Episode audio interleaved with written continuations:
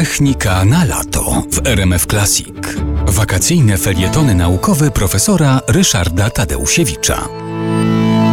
Uczenie maszyn jest trudnym zadaniem, ponieważ zwykle uciekamy się do uczenia maszyn wtedy, jeśli sami nie potrafimy tego zadania, tego problemu, tego jakiegoś tej, tej kwestii rozwiązać.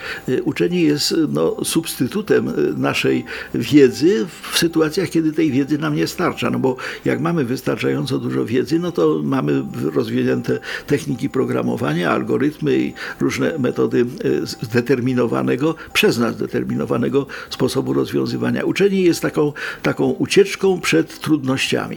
Natomiast e, trudności, które przy tym się pojawiają, są dwojakiego rodzaju.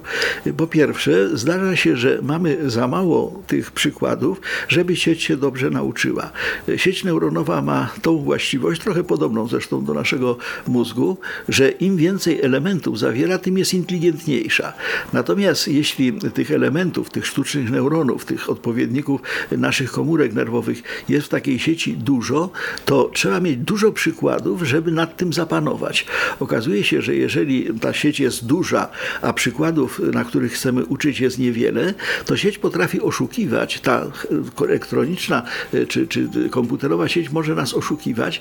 Mianowicie jest tak bystra, że ona sobie zapamięta wszystkie przykłady, które jesteśmy w stanie jej pokazać. Pokazujemy je wielokrotnie, bo, bo, bo jednorazowe pokazanie jest niewystarczające i ona potem potem się zachowuje tak jak uczeń, który się nauczył na pamięć, że na przykład na teście na pytanie numer dwa trzeba odpowiedzieć B.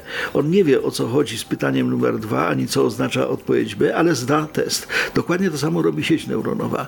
Wobec tego to jest pierwsza trudność. Jeżeli sieć jest za mądra, a zadanie jest niewystarczająco dobrze reprezentowane przez zbiór uczący, no to się ta sieć po prostu nie nauczy.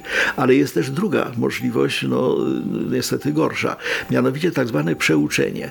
My zawsze uczymy sieć neuronową, czy inne metody, które e, wymagają uczenia, pokazując pewne przykłady, ale e, te przykłady są no, w jakimś zakresie reprezentatywne dla problemu, który trzeba rozwiązać, ale w jakimś zakresie te przykłady również reprezentują samych siebie. Jeżeli na przykład uczymy rozpoznawania pewnych chorób na podstawie no, historii chorób zawartych w szpitalu, to każdy pacjent był inny, ale każdy miał swoje właściwości indywidualne Przez pewien proces uczenia my uczymy maszynę, jak na przykład rozpoznawać COVID i jak go leczyć.